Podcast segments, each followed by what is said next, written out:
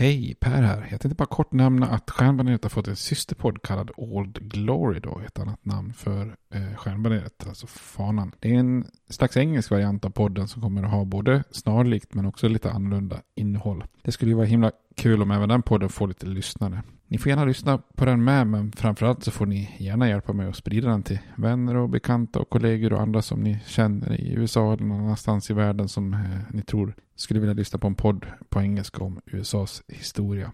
Tack, det var bara det jag ville säga. Nu kommer avsnittet. Hej då! Tired of ads barging into your favorite news podcasts? Good news. Ad-free listening is available on Amazon Music for all the music plus top podcasts included with your Prime membership. Stay up to date on everything newsworthy by downloading the Amazon Music app for free or go to amazon.com slash news ad free. That's amazon.com slash news ad free to catch up on the latest episodes without the ads.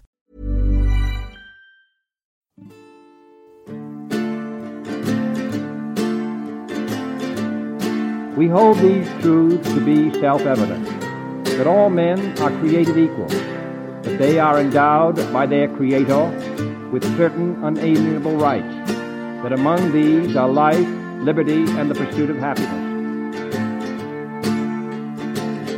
Now we are engaged in a great civil war, testing that government of the people, by the people, for the people, shall not perish from the earth. And so, my fellow Americans, ask not what your country can do for you, ask what you can do for your country. I have a dream that my four little children will one day live in a nation where they will not be judged by the color of their skin, but by the content of their character. Mr. Gorbachev, tear down this wall. I did not have sexual relations with that woman, Miss Lewinsky. Oh, I think you did Bill. I think you did. Nej, förlåt, jag ska inte tramsa. Eh, vi säger istället välkomna till Stjärnbanet, en podcast om USAs historia. Eh, med mig Per Fjärdingby och eh, innan vi kör igång, jag brukar hoppa rätt på sak ofta, men innan vi kör igång idag så skulle jag vilja tacka alla som, som eh, skriver fina kommentarer och mejl och så som, eh, som lyssnar och eh, tycker att podden är bra. Det, det värmer väldigt mycket och det är väldigt kul att höra från er som vet lite så här vilka som, som lyssnar så tveka inte att höra av er. Då. Och sprid gärna podden till, till vänner och bekanta som ni tror gillar historia och, och USA. Det är fler, fler personer än man tror faktiskt. Och många som faktiskt har tyckt att i och med att man konsumerar mycket amerikansk litteratur kanske, liksom, eller inte kanske litteratur men filmer och eh, serier och sånt där så kan man USAs historia så förstår man ju också en massa små referenser och, och annat kring hur USA fungerar. Så att eh, det är ju ett bra sätt att eh, eh få ut mer av tv-serier och sånt. Jag har ju också fått mycket frågor om boktips. Det är många som efterfrågar. Jag har tänkt att jag skulle göra något specialavsnitt. Har bara liksom inte riktigt blivit av. Eh, men jag tänkte göra lite boktips då. Så det får bli ett litet specialavsnitt då för, för er som vill ha boktips. Ni andra kan ju, kan ju skippa det då. Eh, men jag tänkte att jag går igenom ungefär historien hittills liksom. Och eh, de bästa böckerna som man kan läsa för att fördjupa sig i olika ämnen då så att säga. Innan vi går igång så skulle jag vilja passa på att rekommendera lite andra poddar också. Vill man liksom följa med händelseutvecklingen i, i dagens politiska USA och ibland få lite korta historiska tillbakablickar och lite fördjupande intervjuer med mycket kunniga personer och sådär så rekommenderar jag varmt eh, podcasten eh, Kongressen med Jakob Stenberg.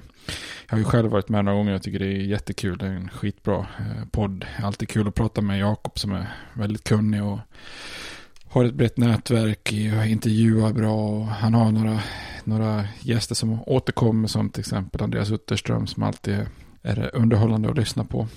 Eh, finns det också en podd som jag kan rekommendera varmt som heter Amerikaanalys. Eh, det är ett gäng oerhört erfarna och kunniga USA-experter då med, som under Frida Strannes ledning eh, och tillsammans med Karin Henriksson och Dag Blank då. Eh, alla alla hjältar i min värld eh, som kör den podden. Och det är väldigt professionellt. Det innehåller liksom rötter i, i forskning och universitetsvärlden. Och de har ju en enorm erfarenhet av, av USA. Alltid bra, bra analyser och sånt där.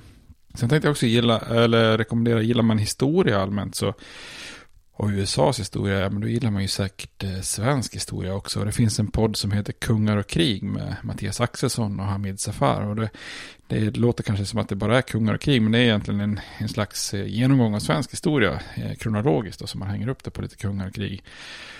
Och där känner man ju, även om jag är allmänt historieintresserad, så ibland har man ju lite för dålig koll alltså på det svenska. Och man lär sig något nytt varje avsnitt när de liksom metodiskt går igenom olika delar av historierna. Och de har ju börjat så lite grann som vi, som vi på stjärnbaneret från, från första början där med starten. Och där får man ju säga att den första delen av Sveriges historia innan typ Gustav Vasa och de här galna Vasasönerna så, så har i alla fall jag mycket, mycket att lära i alla fall. Så att eh, den podden eh, kan jag också varmt rekommendera.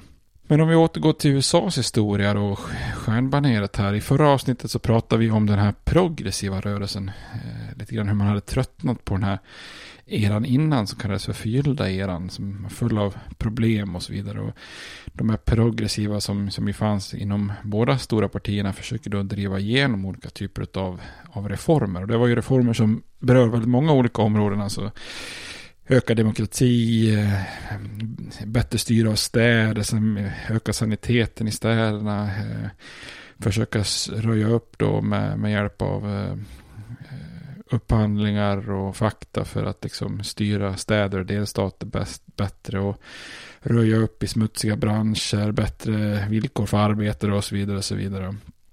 Och mycket av ammunitionen till de här progressiva kommer från de här så kallade muckrakers, de här eh, alltså journalisterna som, som gjorde en form av grävande journalistik då. Och under den här eran är det också fler och fler yrken som organiserar sig lite professionellt och, och vill att man fattar beslut just utifrån fakta och så vidare då. Och då börjar de här progressiva eh, med olika reformer, kanske först liksom på stadsplanet, alltså i städer och lokal nivå för att sen då komma upp till delstatsnivå då. Och vi gick ju igenom väldigt många olika områden och varianter av de här formen, eh, eller reformerna och, och hur de här progressiva driver på då. Men eh, när vi stannade senast så hade vi pratat väldigt mycket om städer och delstater och så vidare. Idag ska vi gå över och se lite grann när den här progressiva rörelsen så att säga flyttar in i Vita huset och eh, börjar med reformer på nationell nivå då helt enkelt. Men innan det då så fortsätter vi eh, med de här öltipsen. Och förra gången sa jag att ni skulle försöka få tag på någon form av amerikansk amber. Och det är ju en av de här eh, lite mer moderna ölstilarna. Tittar man på traditionella ölstilar så är det ju nästan alltid Europa man får titta på. Och eh, tittar man moderna ölstilar så är det framförallt USA kanske då. Och det här är ju en stil som uppstod på den amerikanska västkusten som många andra eh, ölstilar som är amerikanskt ursprung.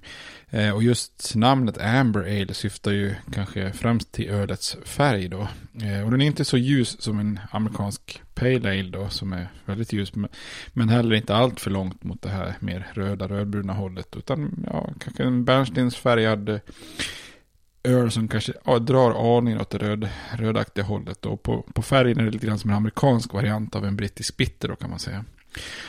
Och på många sätt är det ungefär som att ta en amerikansk pale ale då, men att låta malten vara lite tydligare och få lite mörkare färg då med smak från kanske karamellmalt och liknande.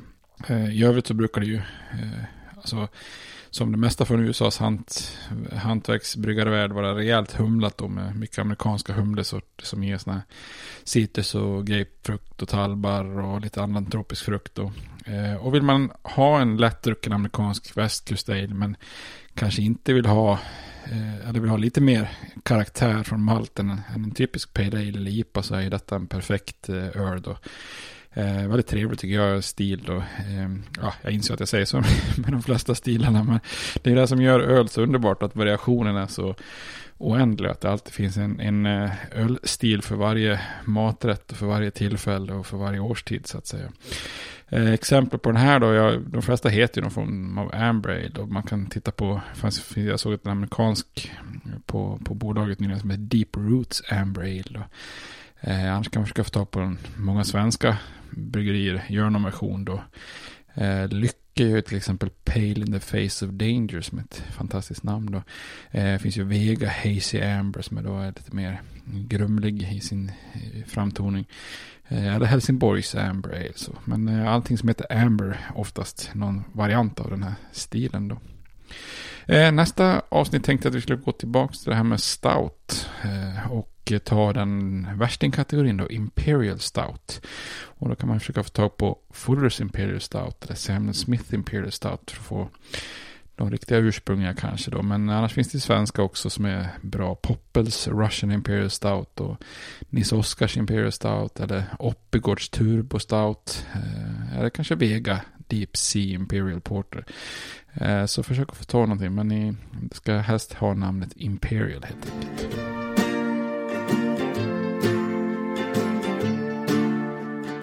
Om vi då fortsätter historien om den här progressiva eran då i USAs historia så eh, jag sa ju för några avsnitt sedan i den översiktsserien då att eh, vi eh, hade kommit in på, på 1900-talet men skulle man hitta rötterna till den här progressiva rörelsen så är man kanske snarare på sista decenniet eh, på, på 1890-talet då. Men eh, eller på 1800-talet och eh, men ungefär runt sekelskiftet faktiskt vid 1900 så Eh, då kommer det eh, reformer även på nationell nivå då.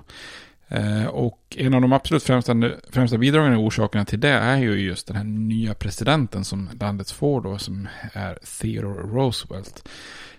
Och det är ju extremt få personer som haft så stort inflytande på den era som de har levt i som, som just Roosevelt. Så att för att överhuvudtaget förstå eh, det här progressiva presidentskapet som kommer med Roosevelt och ett par av hans efterträdare så Eh, så behöver man kanske förstå lite grann eh, kring Roosevelt som person. Och han är ju, oavsett vad man tycker om honom, så är han en extremt spännande person i största allmänhet. Och eh, en, en personlighet som, ja, få presidenter har haft en så stark personlighet. Så vi får lite backa bandet och gå igenom hans bakgrund. Jag har ju nämnt han flera gånger tidigare då. Eh, Theodore Roosevelt, eh, Teddy Roosevelt som han kallas, är ju knappast som många andra presidenter har varit tidigare någon form av self-made man då, utan han föds ju i en eh, väldigt rik familj. Hans eh, farsa är köpman i, i, från New York och hans morsa är en fin dam från Georgia då, som har gift sig. Och eh,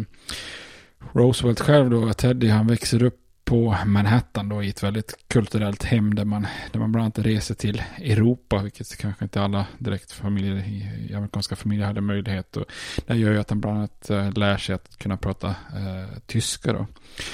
Eh, när han är liten så är han en väldigt svag liten pojk med både dålig syn och astma. Ja, dåliga synen för ju såklart med upp i åldern. Men, eh, men när han blir större då så gör han lite grann till en grej att försöka kompensera för det här och, och börja bygga upp sig väldigt mycket fysiskt. Då. Och det här gör att han då älskar aktiviteter utomlands, och, eller utomhus och att, eh, så att säga, motionera och verkligen visa, visa detta och han jagar gärna vilt och brott brottades och boxades och sådär. Eh, men han har inte heller bara en fysisk förmåga utan också en väldigt intellektuell förmåga då. Eh, han är ju, får ju en fin utbildning vid Harvard, eh, examinerad 1880. Eh, ägnade sig åt ämnen som historia, fågelskådning, moralfilosofi, alltså en sjujädra mix där. Eh, och under sitt liv så skriver han faktiskt hela 38 böcker. Det är ju inte direkt lite då. Eh, och det är också i massa varierande ämnen då. Bland annat så skriver han ju ett verk över västens historia som får väldigt eh, stark eh, inverkan på hur västern uppfattas. Jag tror vi nämnde det i vår lite lilla fördjupande serie om, om, om västern. Då. Bara två år efter sin examination vid Harvard så blir han invald i New Yorks lagstiftande församling och karriären så att säga ligger vid hans fötter. Men 1884 så drabbas han av ett, ett, ett väldigt hårt bakslag. Då först dör hans mamma bara 48 år gammal då och inom loppet av, av 11 timmar, alltså samma dygn, så dör hans 22 år gamla fru då i sviterna efter att ha fött deras första barn. Så att eh, det här är ju kanske lite av ett mardrömsdygn för, eh, för Roosevelt då. Och mycket riktigt så hamnar han ju liksom nästan mer eller mindre i någon fullständig chock där. Och, eh, när han landar från det här då så, så bestämmer han sig för att göra något, dra, dra, eller något dramatiskt eller något drastiskt. Och han, han säljer familjehuset och, och lämnar sin nyfödda dotter till sin syster. Eh, och ger upp den politiska karriären och sen drar han helt enkelt västerut. Han flyttar till Dakota-territoriet då, eh, som på den här tiden inte ens var en delstat. Då. Och i, i väst då så, så finner han liksom styrka och trivs extremt bra då. Så han skötte en boskapsfarm och, och verkligen lever cowboylivet då. Så att eh, det handlar om boskapsuppsamlingar och han jagar vilt och han strider mot ursprungsamerikaner och han fångar kriminella. Det är nästan som att läsa liksom en västernnovell när man läser om hans liv i den här fasen av, av livet. Och det sägs att han vid ett tillfälle när en onykter cowboy retar honom för glasögonen sänker den här snubben då med ett enda välriktat slag. Då.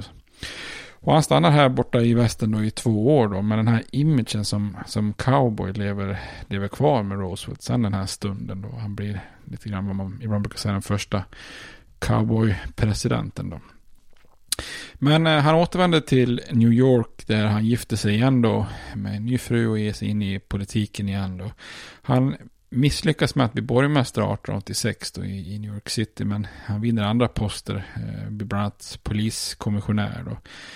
Eh, och just det här, tio år senare, 1896, så kampanjar han väldigt framgångsrikt för William McKinley. Eh, och eh, den nya presidenten övertalas då att ge Roosevelt posten som assisterande minister för flottan då. Eh, även om McKinley själv tvekade lite eftersom han tyckte att Roosevelt verkade lite, lite hetlevrad och lite, lite underlig då.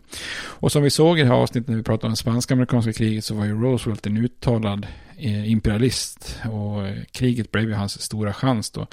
Eh, först påverkar han ju landets framtid som, som tillförordnad flottminister genom att ge den här berömda orden till amiral George Dewey som, som erövrar Filippinerna åt USA. Då. Men knappt hinner han göra det då förrän han överger sin post för att skapa den här kända frivilliga militära enheten som får namnet Rough Riders och sen så drar han då iväg personligen för att delta i, i kriget då. Eh, och som vi pratade om under kriget så bad han ju folk liksom verkligen om att kastas in i striderna och hans egna insatser förstorades väldigt kraftigt i media och, och, och av honom själv och gjorde honom till en riktig nationalkändis då i, i USA. Så med den här nya hjältestatusen och starka personligheten och sina passionerade tal så kunde han ju ganska komfortabelt vinna guvernörsvalet i, i New York 1899 då. Eh, när Demokraterna försöker göra presidentvalet år 1900 till en folkomröstning kring USAs imperialistiska roll då så välkomnar ju Republikanerna det här. Och när den sittande republikanska presidenten McKinley nominerades om då för en ny mandatperiod så, så valde man att eh, ta in Roosevelt som vicepresidentkandidat eftersom han nu då mer eller mindre var någon form av Mr. Imperialism personifierad då efter, de här, efter det spanska-amerikanska kriget. Då. Den här manövern att nominera Theodore Roosevelt som vicepresident funkar ju fint då. Eh, på, på konventet så dök han upp i en cowboyhatt och, och gjorde att han liksom stod ut väldigt mycket från mängden då. Publiken ropade liksom We want Teddy. Och, eh, och eh, tillsammans då med McKinley så vann ju de lätt och, och galant presidentvalet år 1900. Men hela den här eh, historien om hur Roosevelt blir eh, vicepresident eh, har ju också en liten annan lömsk baksida. För det var ju också väldigt många republikaner som ogillade Roosevelt eftersom han hade en väldigt ljudlig kritik av truster och, och mycket så snack om konservering av natur och lite andra då progressiva tankar. Och det här gjorde att partibossarna i New York, de ogillade honom väldigt intensivt. Och såg honom gärna ur vägen så de slapp han som guvernör till exempel. Då. Eh, så för många republikaner eh, tyckte man att det var en jäkla smart manöver att sätta Roosevelt på vicepresidentposten. Då blir man av med honom i praktiken eh, och kan utnyttja hans popularitet i, i valet så att säga. Men ända sedan nationens skapande och en bra bit framåt runt även den här tiden så ansågs ju vicepresidentposten som ganska värdelöst. Det är, det är inte där man kan göra någon större skada. Idag är ju oftast vicepresidenterna lite mer aktiva politiskt liksom och, eh, och, och, kanske blir en del liksom av, av administrationen. Men det, det blev man sällan på den här tiden då. Men givetvis är det ju en stor risk att ha en person som vicepresident då. Och det förstod jag Republikanernas partistrateg Mark, Mark Hanna. Eh, så han skriver ju till William McKinley att your duty to the country is to live for four years from next March. Att eh, nu får du banne mig se till att leva din andra presidentperiod. Men det är ju precis det, så där som ödet ville något annat då. För knappt ett år efter valet i september 1901 då så mördades McKinley då, den tredje presidenten eh, att bli mördad då efter Lincoln och, och Garfield. Eh, och det här sker på en mässa i Buffalo som där lyckas då en person som heter Leo Kolgosz, eh, en polsk ättlad anarkist från Michigan. Eh, så jag hoppas jag uttalar namnet rätt. Eh, men han närmar sig presidenten med en pistol gömd i ett bandage. Och sen så skjuter han då McKinley på nära håll. Åtta dagar senare så dör han och vips så har ju Teddy Roosevelt då blivit president och tar över då. Och den här Mark Hanahan han anmärkte lite grann med sån här, eh, vad var det jag sa, visdom i efterhand att eh, till någon han säger så här, I told William McKinley that it was a mistake to nominate that wild man. Now look, that damned cowboy is president of the United States. Så att eh, det här med att skyffla undan honom på en, på en post som inte har så inflytande, den planen bakslår ju ganska rejält. Då.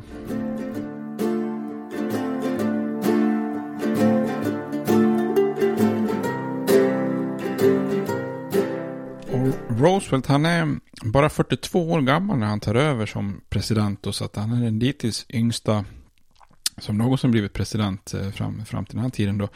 Eh, men han har ju som sagt ändå en väldigt erfaren bakgrund. Eh, och hans starka personlighet präglar ju liksom den, hela den här eran då. Han utstrålar ju ett självförtroende som i princip ingen annan president tidigare haft och kanske knappt någon kommer att ha sen efteråt också. Han hade också ett enormt behov av att synas och vara i händelsernas centrum då. Eh, och ett av hans barn beskrev det här på ett väldigt roligt sätt. Han tyckte att pappa Teddy, han försökte liksom vara bruden på varje bröllop och liket på varje begravning. Alltså alltid stå i centrum och törsta efter uppmärksamhet. Då. Och han hade ju som, vi, som jag tror vi nämnde tidigare avsnitt, alltså till och med själv tagit upp frågan om inte han borde få en hedersmedalj från sina, utifrån sina krigsinsatser i spanska-amerikanska kriget. Så att han är inte någon som är direkt blygsam då. Och hans eh, glasögon och hans enormt breda leende då, det är ju väldigt speciellt. Han visar ju liksom upp varenda tand när han eh, ler. Liksom. Det är ju verkligen det här, alltså, oh, när man säger att någon har ett grin liksom, när man ler. Det är ju verkligen han personifierat. Och, eh, och det, här, det här leendet och glasögonen och hans bombastiska personlighet gjorde ju att eh, politiska karikatyrer eh, fick ju ett, ett, tacksamt jobb då, eh, sådana som ritar karikatyrer. Hans motto blev ju också känt som att han tyckte att man skulle speak softly and carry a big stick. Eh, och naturligtvis också det är någonting som var väldigt eh, tacksamt att rita tecknade bilder med humor liksom. Eh, I allmänt så kallade folk honom då för Teddy och när en leksakstillverkare hörde en historia om att presidenten vägrade eh, vägrat skjuta och, och, skydda en björnunge under eh, en av alla hans jakter då så introducerades en just en teddybjörn eh, som, som ett gosedjur då. Från den stunden så, så satte sig begreppet. Så det är lite därför vi, vi även idag säger teddybjörnar om, om eh, vissa gosedjur. Då. Eh, Roosevelt hade ju också en enorm energi eh, och självsäkerhet i hur, i hur han agerade i alla frågor. Och han sorterade in väldigt mycket utifrån vad som var moraliskt riktigt eller patriotiskt. Och utrikespolitiskt var han redan känd som en imperialist. Men när det gäller inhemska frågor så var han väldigt positivt inställd till många sådana här progressiva reformer. Då. Eh, men han kunde också varva det genom att vara ganska pragmatisk och, i vissa lägen nästan konservativ. Så att det var mer eh, att han anpassade sig efter stunden. Då. Oavsett en mer restriktiv progressiv hållning så blev Roosevelt genom sitt agerande eh, mer än de progressivas favorit, alltså snarare deras liksom superidol och hela hans personlighet beundrades. Och i princip så har väl ingen president varken före eller efter fått sån uppmärksamhet och dyrkan från, från, från många väljare. Då. Och ett tecken på det här är ju att han har tagit plats på det här berömda monumentet vid Mount Rushmore då, där hans ansikte har huggits in i bergväggen bredvid storheter som Washington och Jefferson och eh, Lincoln. Då. Eh, och en orsak till att han var så populär bland progressiva är också hans syn på presidentposten i sig då, som också passar de här progressiva reformerna. För Roosevelt skulle ju ta väldigt många viktiga steg mot den mer moderna varianten av ett presidentskap som vi är vana med att se idag. Eh, innan hade ju presidenter under en lång period haft mer ett symbolvärde. Alltså det var ju kongressen som politiken utformas. Ehm, eh, sen ska ju bara presidenten i princip eh, verkställa då. Men eh, Roosevelt han förändrar det här och blir väldigt mycket mer drivande och aktiv då samtidigt som man utökade befogenheterna genom, genom praxis då. Ehm, så att här, här kommer ju en ganska viktig brytpunkt. Vi är ju vana idag kanske att presidenter och, och så driver politiken framåt. Liksom. Eh, och det är vi också framförallt vana med liksom i parlament, eller parlamentaristiska system som vi har i Sverige och så vidare. Men tidigare hade det varit så att president, många presidenter hade sett sig som en strikt bara verkställande makt. Jag ska bara eh, omvandla lagstiftningen i, i byråkratiska åtgärder så att säga. Men jag ska inte liksom driva vilken inriktning lagarna ska ha. Då. Men redan i sitt första tal till nationen så poängterar Roosevelt att det är dags för lite förändring då. Han menar att när konstitutionen skrevs 1787 så kunde ju omöjligt grundlagsfäderna ha liksom förspått de sociala och ekonomiska förutsättningar som existerade när landet nu hade gått in då på 1900-talet. Eh, så Roosevelt kommer ju då att bli den mest aktiva och handlingskraftiga presidenten sedan, sen Abraham Lincoln då. Och han expanderar presidentens roll men också den federala makten rejält. Tidigare eh, hade ju presidenter i mångt och mycket liksom isolerat sig i Vita huset. Eh, men Roosevelt han avslutar den här passiva stilen helt. Eh, och den kommer också sen att förstärkas ytterligare av, av Woodrow Wilson till exempel. Då. Men för Roosevelt så var presidentmakten någon som skulle tjäna folket och vara aktiv. Det är han som liksom verkligen eh, etablerar det här med att man, presidenten ser sig som, som liksom folkets representant. Och, och mycket av hans agerande eh, hade ju varit helt otänkbart i tidigare presidenters eh, ögon. Då. Men samtidigt så var han ju också väldigt fokuserad och pragmatisk och på vad som var möjligt snarare än att vara någon slags idealist. När vi kommer till Woodrow Wilson sen så kommer vi se att han är otroligt idealistiskt driven då.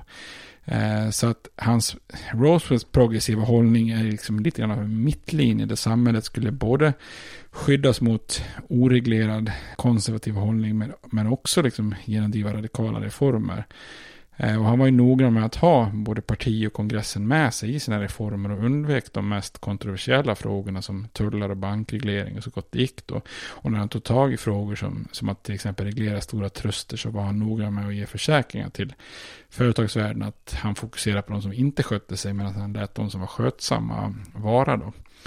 Eh, men hans policy som helhet innebär ju att man ger då den federala staten Eh, mer makt att utreda korruption och, synliggöra eh, det som, som, som kunde vara fel och så man kan reglera det. Eh, och snarare liksom att angripa truster generellt och big business generellt. Då.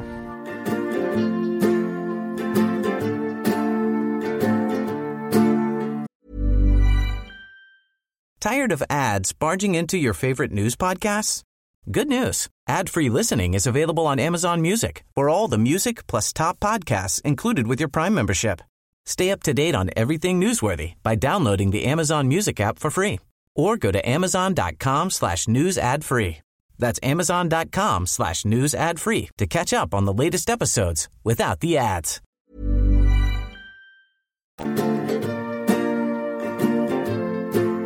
Roosevelts eh, politiska hållning eh, skulle ju ganska tidigt ge sig känna sedan han eh, stegade in i Vita huset. Då. Och Roosevelt lanserar eh, som begrepp någonting som man kallar för square deal. Alltså jag vet inte riktigt hur man ska utför, eh, översätta det när jag tänker efter här. Men ungefär någon form av alltså, rättvis eh, uppgörelse. Eller någonting sånt där. Och det innebar att han var beredd att liksom verkställa gällande antitrustlagstiftning och striktare övervakning av de stora företagen då, i form av truster. Eh, men eh, han var inte liksom emot truster i sig om de skötte sig. Men, men de som inte skötte sig, de ville han varna och agera gentemot. Då. Eh, och han, precis som många andra progressiva, satte väldigt stor förhoppning till det här med statistik och undersökningar. Eh, alltså kunde man bara, miss, eller bara förtydliga eh, missförhållanden så, så visste man ju också vilka företag och vilka branscher man skulle klämma åt. Då. Så 1903 så skapade han ett helt nytt departement, handels och arbetardepartementet, någonting som inte har funnits innan dess. Då.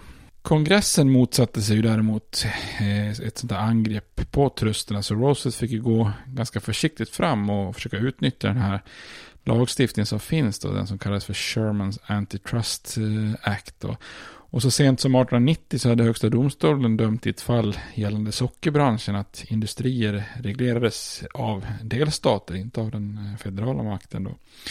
Men 1902 så hittade Roosevelt ett fall som gör att han kan agera med federal makt. Och det gäller då järnvägar som ju då definitivt är en bransch som sveper över delstatsgränser. Och alla frågor som berör eh, fler än en delstat blir ju per definition en federal fråga. Eh, och det gjorde att då att eh, Roosevelt kände sig bekväm med att agera då. Eh, och då är det ett antal järnvägsaktörer som hade gått samman då i nordvästra USA och format ett trustbolag som kallades för Northern Securities Company med bland annat eh, JP Morgan i spetsen. Och fått mer eller mindre en monopolställning på marknaden och Roosevelt bad då justitieministern att, att utreda det här och det slutade med att bolaget efter en dom i högsta domstolen 1904 fick eh, lösas upp då. Eh, bland annat eh, JP Morgans stora förtret då. Och Rose Roosevelt var ju strålande glad över HDs dom så att eh, han går ju vidare då och nästa bransch han angrep var biffindustrin. Eh, och det gör ju att han blir otroligt populär bland mycket bönder i väst och konsumenter i största allmänhet. Då.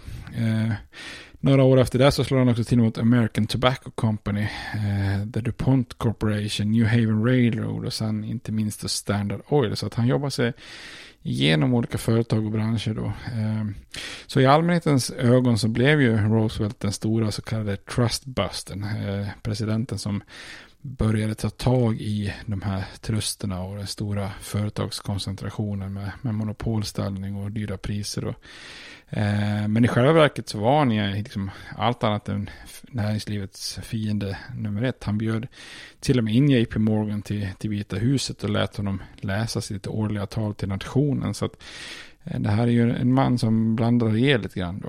Eh, när en finanspanik var närstående 1907 så tillåt tillät till och med Roosevelt Morgan att göra ett kontroversiellt uppköp för att lugna finansmarknaden.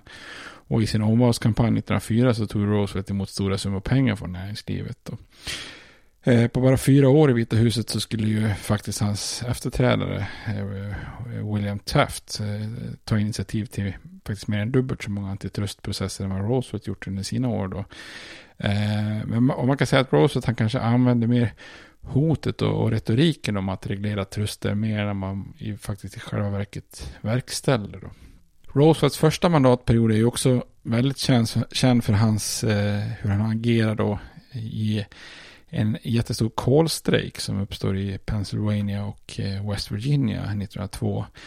Eh, det är runt 150 000 gruvarbetare som går i strejk efter att inte ha fått igenom sina krav på att facket skulle erkännas officiellt och att eh, arbetsdagens längd kortas från 10 till 9 timmar. Och man kräver också en 20-procentig löneökning.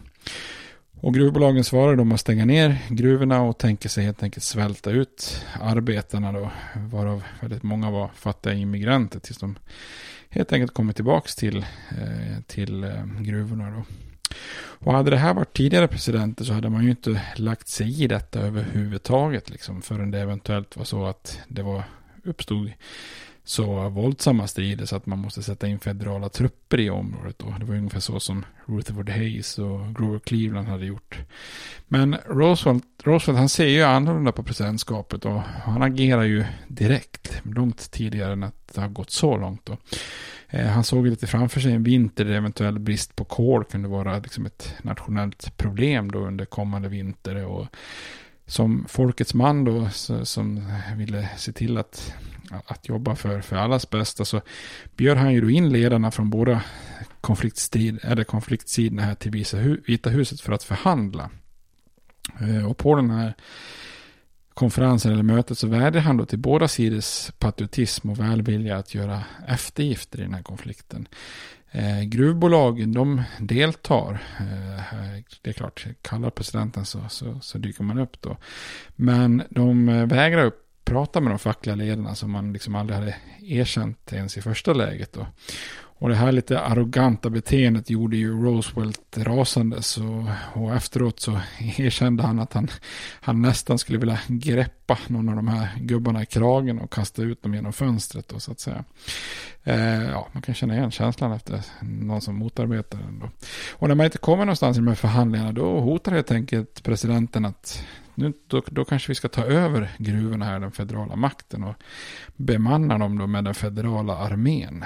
Eh, och det här är ju inte riktigt likt många av de tidigare presidenterna då.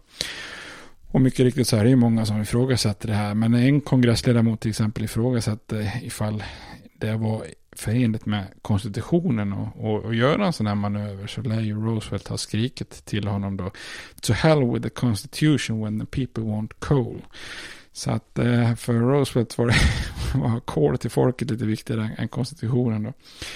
Eh, gruvledarna visste ju liksom inte riktigt om Roosevelts hot var allvarliga eller inte. Men till slut så vågade de ju inte riktigt liksom syna hans kort. Eh, så man eh, gick helt enkelt med på att låta en medling, medlingskommitté förhandla. Och slutlösningen blir då eftergifter från båda sidorna. Och gruvarbetarna får genom det här med nio timmars arbetsdag Eh, man får en 10% i löneökning istället för 20%. Men i gengäld då så behöver inte gruvägarna erkänna något fack. Då. Så båda parter hade fått något i uppgörelse, Roosevelt själv var nöjd. Och det här är ju ett typexempel då på det han kallar för square deal. Alltså att det faktiskt blev en slags rättvis uppgörelse då. Och Roosevelt ser ju mer och mer på den federala makten som en slags ärlig och oberoende medlare mellan olika intressen i samhället. Och inte nödvändigtvis alltid på folkets sida, utan som, en, som ett instrument som går in och skapar rättvisa där det fanns problem. Då. Oavsett hur progressiv han var eller inte så var han den första presidenten att liksom bjuda in båda sidorna i en arbetsmarknadskonflikt till Vita huset. Han är den första hotade att förstatliga verksamheten och han är den första som tvingade parter på arbetsmarknaden att, att acceptera resultatet av en medling. Så att mycket av det här är ju nyskapande. Det kanske känns normalt utifrån en modern presidents agerande. Men, men detta var, var unikt för sin tid. Då.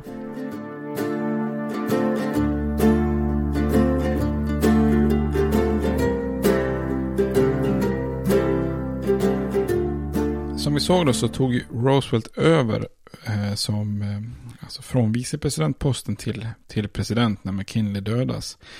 Eh, och Eh, i valet 1904 då så ställer han ju upp igen och eh, försöker då bli vald som president direkt för första gången då. Eh, och han lyckas ju ganska bra med det här. Han har blivit omåttligt populär då. Så han vinner väldigt stort över sina motståndare då. Demokraten Alton Parker från New York.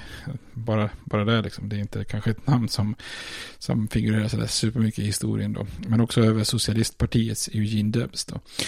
Eh, och Roset har ju fått väldigt mycket bidrag från affärsvärlden och hade ju överlägset mest pengar i kampanjkistan då. Men eh, han vinner ett av de största segrarna någonsin med 57 procent av alla rösterna då. Och mitt i den här segeryran så, så ger han ett löfte om att eh, han inte kommer att ställa upp igen då. Eh, det här är ju någonting han ska komma att få ångra senare. Så lite spoiler alert, han kommer att försöka bli president eh, ytterligare en gång då. Eh, och det här, det här hade ju kunnat bli, i, i dagsläget är det ju så att ingen president får sitta mer än två mandatperioder så att säga. Och om du tar över som vicepresident så får du bara totalt sitta tio år då. Så i Roosevelt, Roosevelts fall då när han tar över eh, tre år eh, efter att McKinley blev mördad så hade han ju bara kunnat bli omvald en gång till. Men detta är ju en era liksom innan det konstitutionella tillägget gör att man, man, man begränsas då. Så att eh, i den här tiden kunde man bli omvald i princip då hur många gånger som helst. Men eh, Roosevelt är såklart optimistisk och kände sig då starkt av den här valsedeln, eller valsegern. Eh, äntligen hade han ju liksom vunnit för egen maskin och liksom fått ett folkligt mandat på ett sätt som, som eh, på ett annat sätt än att då ta över som, som vicepresident. Och, och till sin fru så skrev han att han inte längre var en political accident. Eh, och inför sin installation så proklamerade han att Tomorrow I shall come into office on my own right. Then watch out for me. Så att eh, då gör nog säkert en och annan person lite nervös också. Under sin första mandatperiod hade Rose gjort vad han kunnat från Vita huset utifrån liksom den lagstiftning som fanns. Då. Men stärkt av sitt omval så tänkte eh, Roosevelt eh, driva igenom en mer omfattande progressiv agenda där han uppmanade kongressen till eh, en rad nya lagar för att reglera då big business. Och det här var ju då lagar som innebär att man kunde ta kontroll över järnvägar, genomföra industriinspektioner, Eh, han ville ha lagar mot, med regler mot barnarbete med mera. Då. Och, eh, och det här får ju då industriledaren Henry Frick, som jag tror vi har nämnt tidigare, eh, att utbrista då med, med tanke på de eh, ekonomiska bidrag han fick för att bli vald av republikanerna. Så, så säger Frick det här, we bought the son of a bitch and, and, and then he did not stay bought. Så att eh, han är lite besviken här att eh, har vi lyft fram honom så borde han väl inte, borde han lämna big business i fred då. Det Roosevelt gör är att han först angriper järnvägsbranschen då. Eh, den, den, den första liksom, stora branschen som hade gett upphov till det här begreppet rånarbaroner. Och man har ju då drivit igenom en ny lag, då Elkins Act, som förbjuder rabattsystem inom järnvägen och också ger ökad makt för, för det som kallas för ICC, Inter, Interstate Commerce Commission. Då. Eh, och tidigare hade företag kunnat få, få hemliga rabatter för, för järnvägsfrakt. Och ju större bolag, desto större makt att påverka då. Eh, och den där lagen hade ändå varit mild, men nu föreslår Roosevelt en hårdare reglering där ICC liksom kan själva sätta rimliga järnvägspriser och hindra oegentligheter. Och en sån lag var ju oerhört populär i Mellanvästern bland progressiva guvernörer som LaFollette i Wisconsin som vi nämnde innan då. Och när eh, debatterna inleds i kongressen så presenterades siffror eh, från presidenten då som, som sa till exempel att Standard Oil fått järnvägsrabatter på 750 000 dollar om året. Då. Så resultatet blir Hepburn Act 1906 som gav den federala staten imponerande muskler mot järnvägsbranschen så att den här ICCs myndighetens makt stärktes betydligt och befogenheterna breddades och när beslut om priser gjordes var de bindande tills dess att domstolar eventuellt dömde annorlunda då. Eh, och det var upp till företagen att bevisa att det, att det hade begåtts orättvisor då. Eh, Roosevelt agerar också väldigt kraftfullt mot eh, livsmedel och medicinbranschen då. Det finns en rad sådana här journalister då, muckrakers, som hade i artiklar skrivit om hur vidriga förhållandena var i, i, i den omfattande liksom, kött, köttförpackningsindustrin. Och det som verkligen skapar en storm av kritik, kritik det är ju då eh, Upton Sinclairs novell The Jungle som kommer ut 1906. Eh, och egentligen var kanske Sinclairs syfte med den här novellen att visa hur arbetarna eh, levde som löneslavar. Att deras situation måste förbättras med högre löner. Men det som hamnar i fokus utifrån den här boken är ju ohygienisk eh, liksom, hantering inom kött, köttindustrin. Då.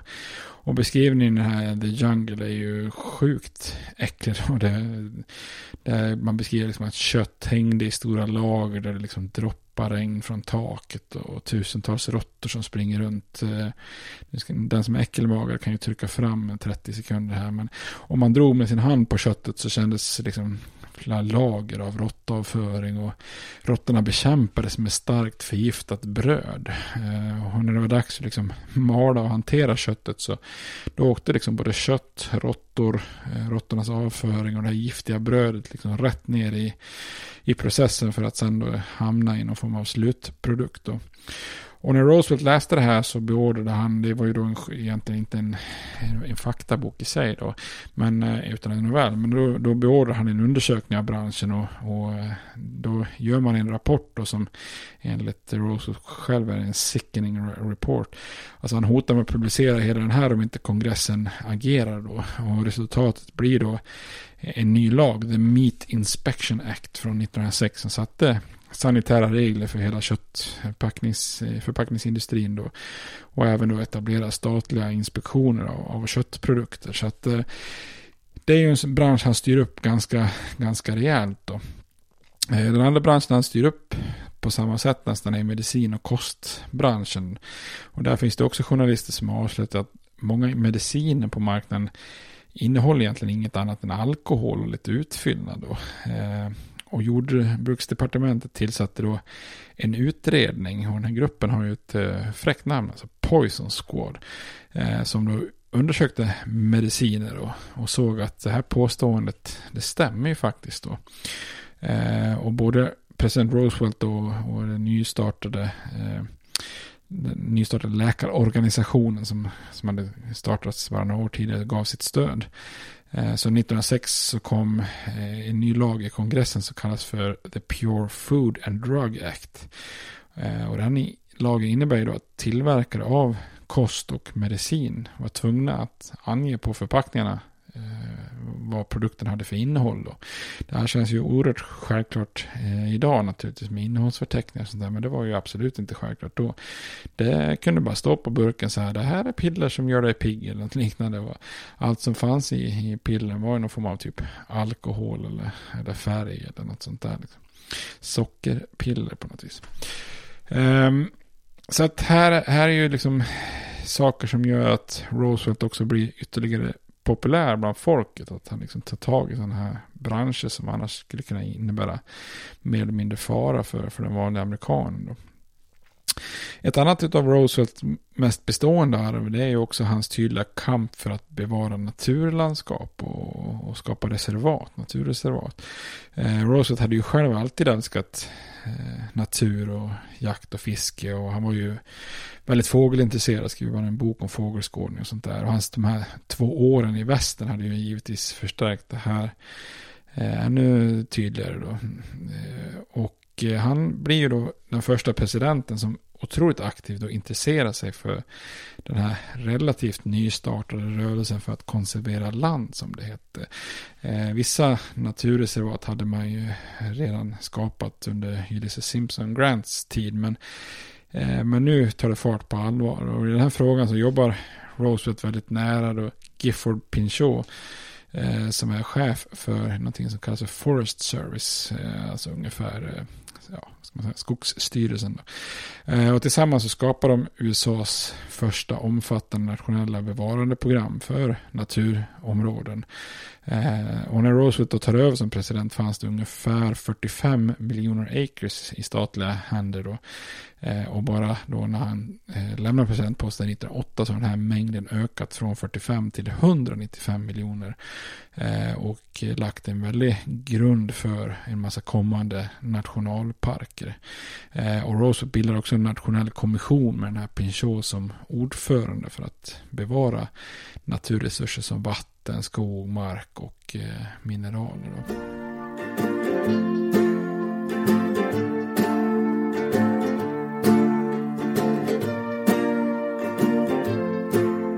Men trots eh, sitt eh, rykte då att, som den stora trustbustern och som den stora verktyget för att reglera olika branscher så så var det ju uppenbart att den federala staten inte hade kontroll över den industriella ekonomin när det kommer en ekonomisk eh, nedgång i slutet på, på Roosevelts eh, andra mandatperiod.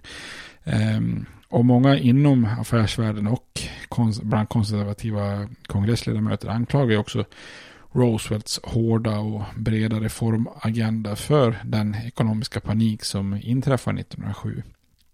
Eh, och krisen håller på att bli ganska allvarlig. Eh, men Roosevelt vände sig då, precis som Grover Cleveland hade gjort i slutet på 1800-talet, till den här enorma finansiären då, JP Morgan. Eh, så att i tider av kris så gör de detsamma. Och Morgan han meddelar Roosevelt att han kunde tänka sig att använda sig sina banker för att stabilisera den finansiella situationen. Eh, men ett krav tillbaks då var att han ville ha garantier för att det inte skulle komma någon, någon slags antitrust-utredning mot hans eh, US Steel då. Eh, när han köpte upp en, en, en konkurrent. Och Roosevelt gick ju med på det här då oavsett, och oavsett vilken roll det spelade så att säga i att stabilisera den, eh, den ekonomiska situationen så, så, så, så lindras den där. Så att, och när det är dags för presidentvalet 1908 så var ju Roosevelt omåttligt populär bland folket och han erkände själv att han hade haft en, en härlig tid i Vita huset. Men samtidigt så hade han ju då vid ett tillfälle lovat att inte ställa upp igen då. Eh, sen vet man ju inte med den här paniken 1907 och alla hans reformer då så kan man ju fundera på om det ofta lite konservativa republikanska partiet i den här tiden Eh, om de ens hade valt honom, det, det, kan man ju inte ta som någon garanti och det får vi ju aldrig veta. Men det är väl eh, rimligtvis troligt att de hade gjort det ifall han hade verkligen velat vara president en, en tredje mandatperiod. Då.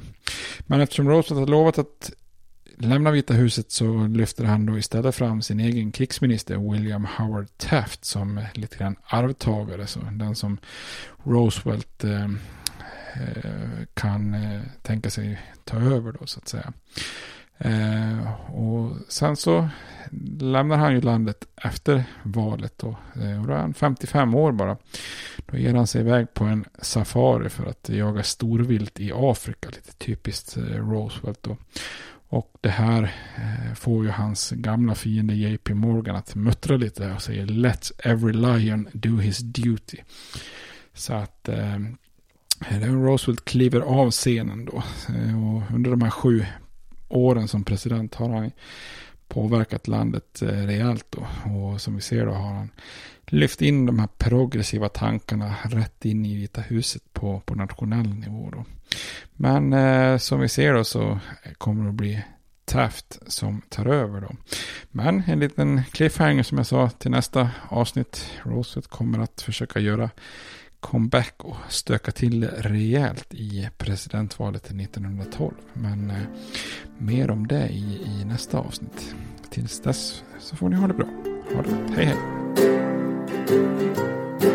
States like these and their terrorist allies constitute an axis of evil. And if the hippies and the yippies and the disruptors of the systems that Washington and Lincoln, as presidents, brought forth in this country will shut up and work within our free system of government, I will lower my voice. If the impeachment provision in the Constitution of the United States will not reach the offenses charged here, then perhaps that 18th century Constitution should be abandoned to a 20th century paper shredder. Therefore, I shall resign the presidency effective at noon tomorrow.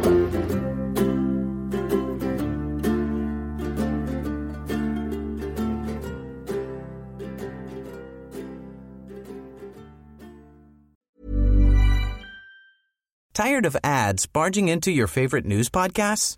Good news. Ad-free listening is available on Amazon Music for all the music plus top podcasts included with your Prime membership. Stay up to date on everything newsworthy by downloading the Amazon Music app for free or go to amazon.com slash news ad free. That's amazon.com slash news ad free to catch up on the latest episodes without the ads.